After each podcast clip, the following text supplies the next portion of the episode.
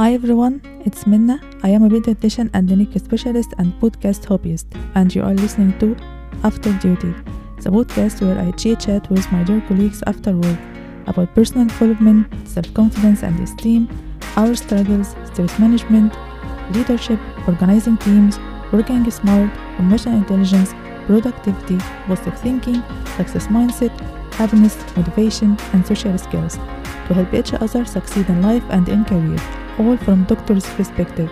So come to check this out and listen to our stories. Hope you enjoy it and find it helpful with some inspiration.